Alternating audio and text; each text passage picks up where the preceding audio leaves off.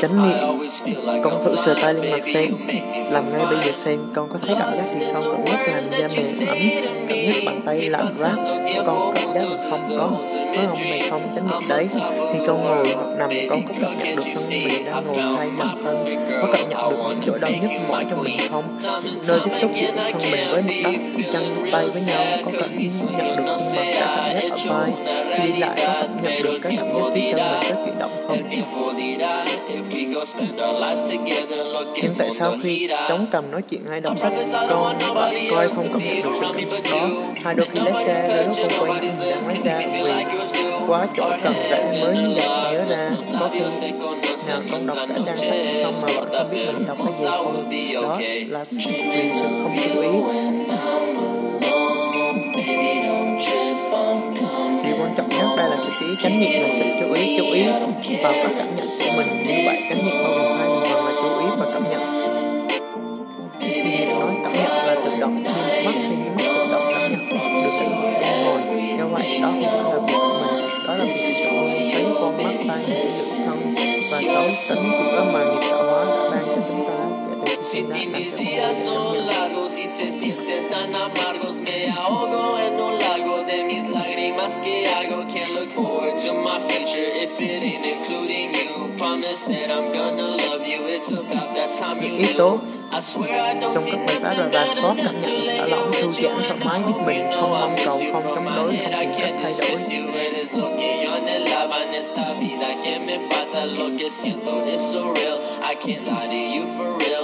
Sabes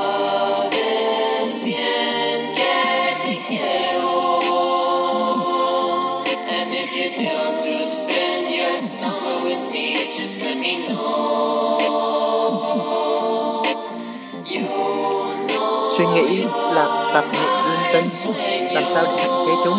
Đa số những suy nghĩ xuất hiện mỗi ngày trong đầu chúng thường thường 80% số đó là suy nghĩ tiêu cực 95% lặp lại của hôm trước.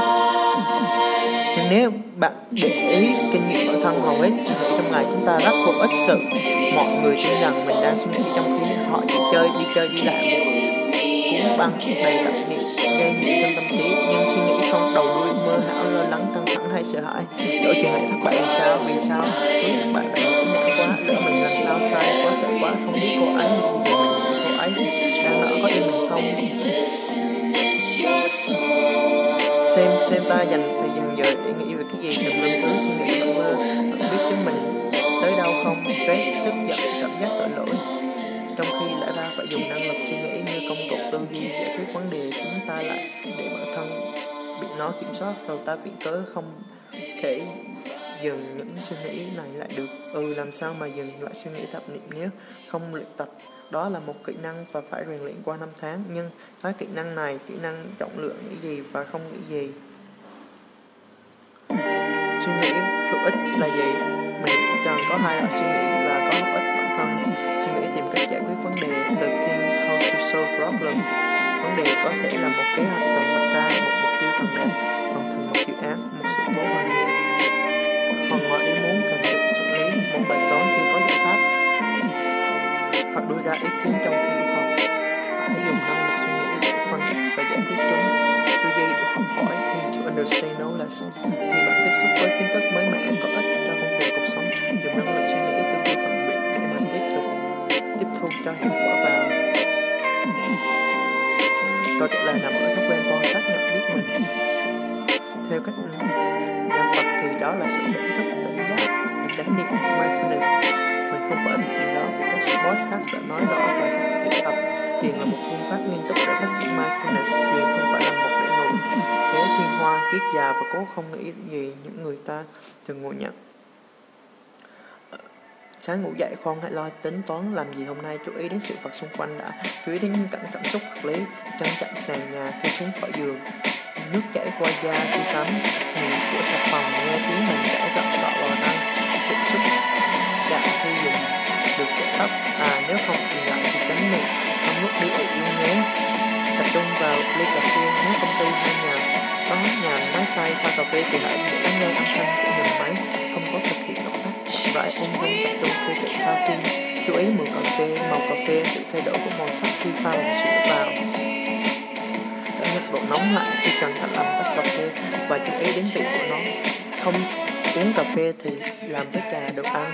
Ăn uống là thứ chúng ta hay bỏ qua việc cảm nhận nhất. Nhưng nếu tập trung, bạn sẽ thấy món ăn và thức uống rất khác. Bắt một người nghiện rượu uống rượu thật chánh niệm xem. Hớp một ngụm dễ lao trong miệng và nuốt thật chậm để cảm nhận sự nóng cháy của nó. Anh ta sẽ sớm bỏ rượu thôi. Tập thể dục, tập trung vào nhịp thở, tư thế chuyển động nếu chạy thì nghe tiếng vang của chân chạm đường. Tập gym thì cảm nhận thấy lạnh, khi tay chạm vào các thân đạo và sức nặng của bạn, hoặc cảm nhận nhóm cơ đang được luyện mình đạt thường một phần vì nó là được mindfulness rất tốt.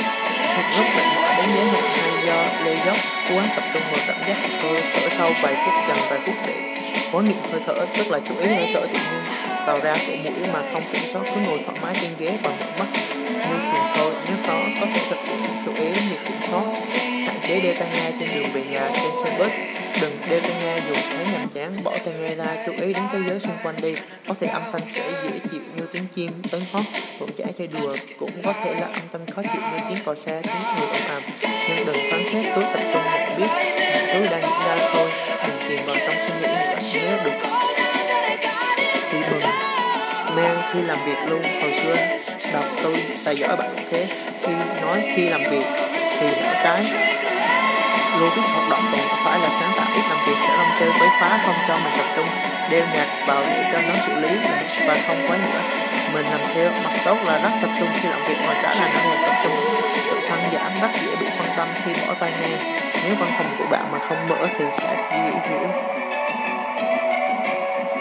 Không nhân mở thì sẽ yếu nhưng mindfulness là sự cân bằng giữa trong focus và những biết xung quanh awareness nên có lệch về một bên, mình sẽ sẽ giải thích rõ những này về bạn có thể lên có cho bạn uống một hai ly rượu và bạn bè và nghe nhạc gì đó không sai nhưng nếu bạn đang cần một rượu lại lại là chuyện khác biết suy nghĩ trong đầu ra dành một mười mười lăm phút ngồi xuống và cây bút và tập giấy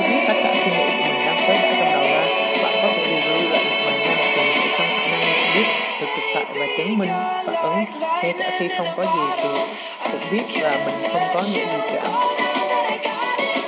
Nó không chỉ giúp mình nhận biết những suy nghĩ trong đầu, mà còn có stress lâu lâu nảy ra ý tưởng hay ho nữa.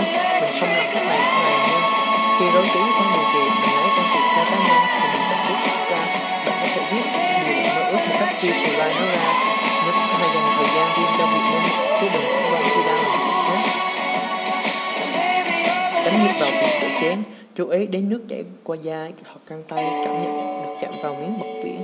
Khi dùng nó để cọ chén để ý đến hình dáng sức nặng của tô chén dĩa khi làm sạch chúng. Cái này đập trong phép lạ và sự tỉnh thức nhưng nhất hạnh mình ăn cơm bụng nên không có cơ hội làm việc này rồi. tập trung vào bài nhạc tự chọn một bài nhạc bạn chưa nghe bao giờ đừng có phân tích về thể loại tác giả hay chỉ nghe cho chú ý đến bài nhạc nhịp điệu và nhịp cụ những gì đang diễn ra đừng tưởng tượng phân tích đánh giá những việc này. Cho lúc khác thức giấc bài tập mở mắt không suy nghĩ.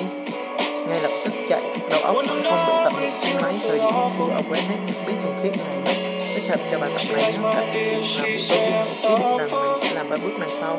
Bước một ngay khi nhận ra mình cảm tỉnh hãy nhắm mắt bước hai nhìn lên trần nhà. Những cái cần tập trung vào một điểm cụ có tập trung vào những mở không tập trung vào gì khác giữ lâu, thì tùy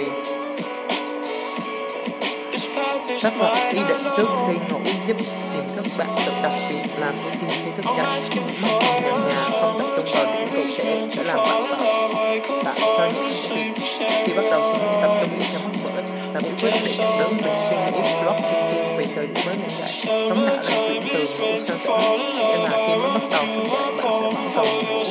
Vì bạn nỗ lực giữ, nó sẽ tạm thời chặt đúng não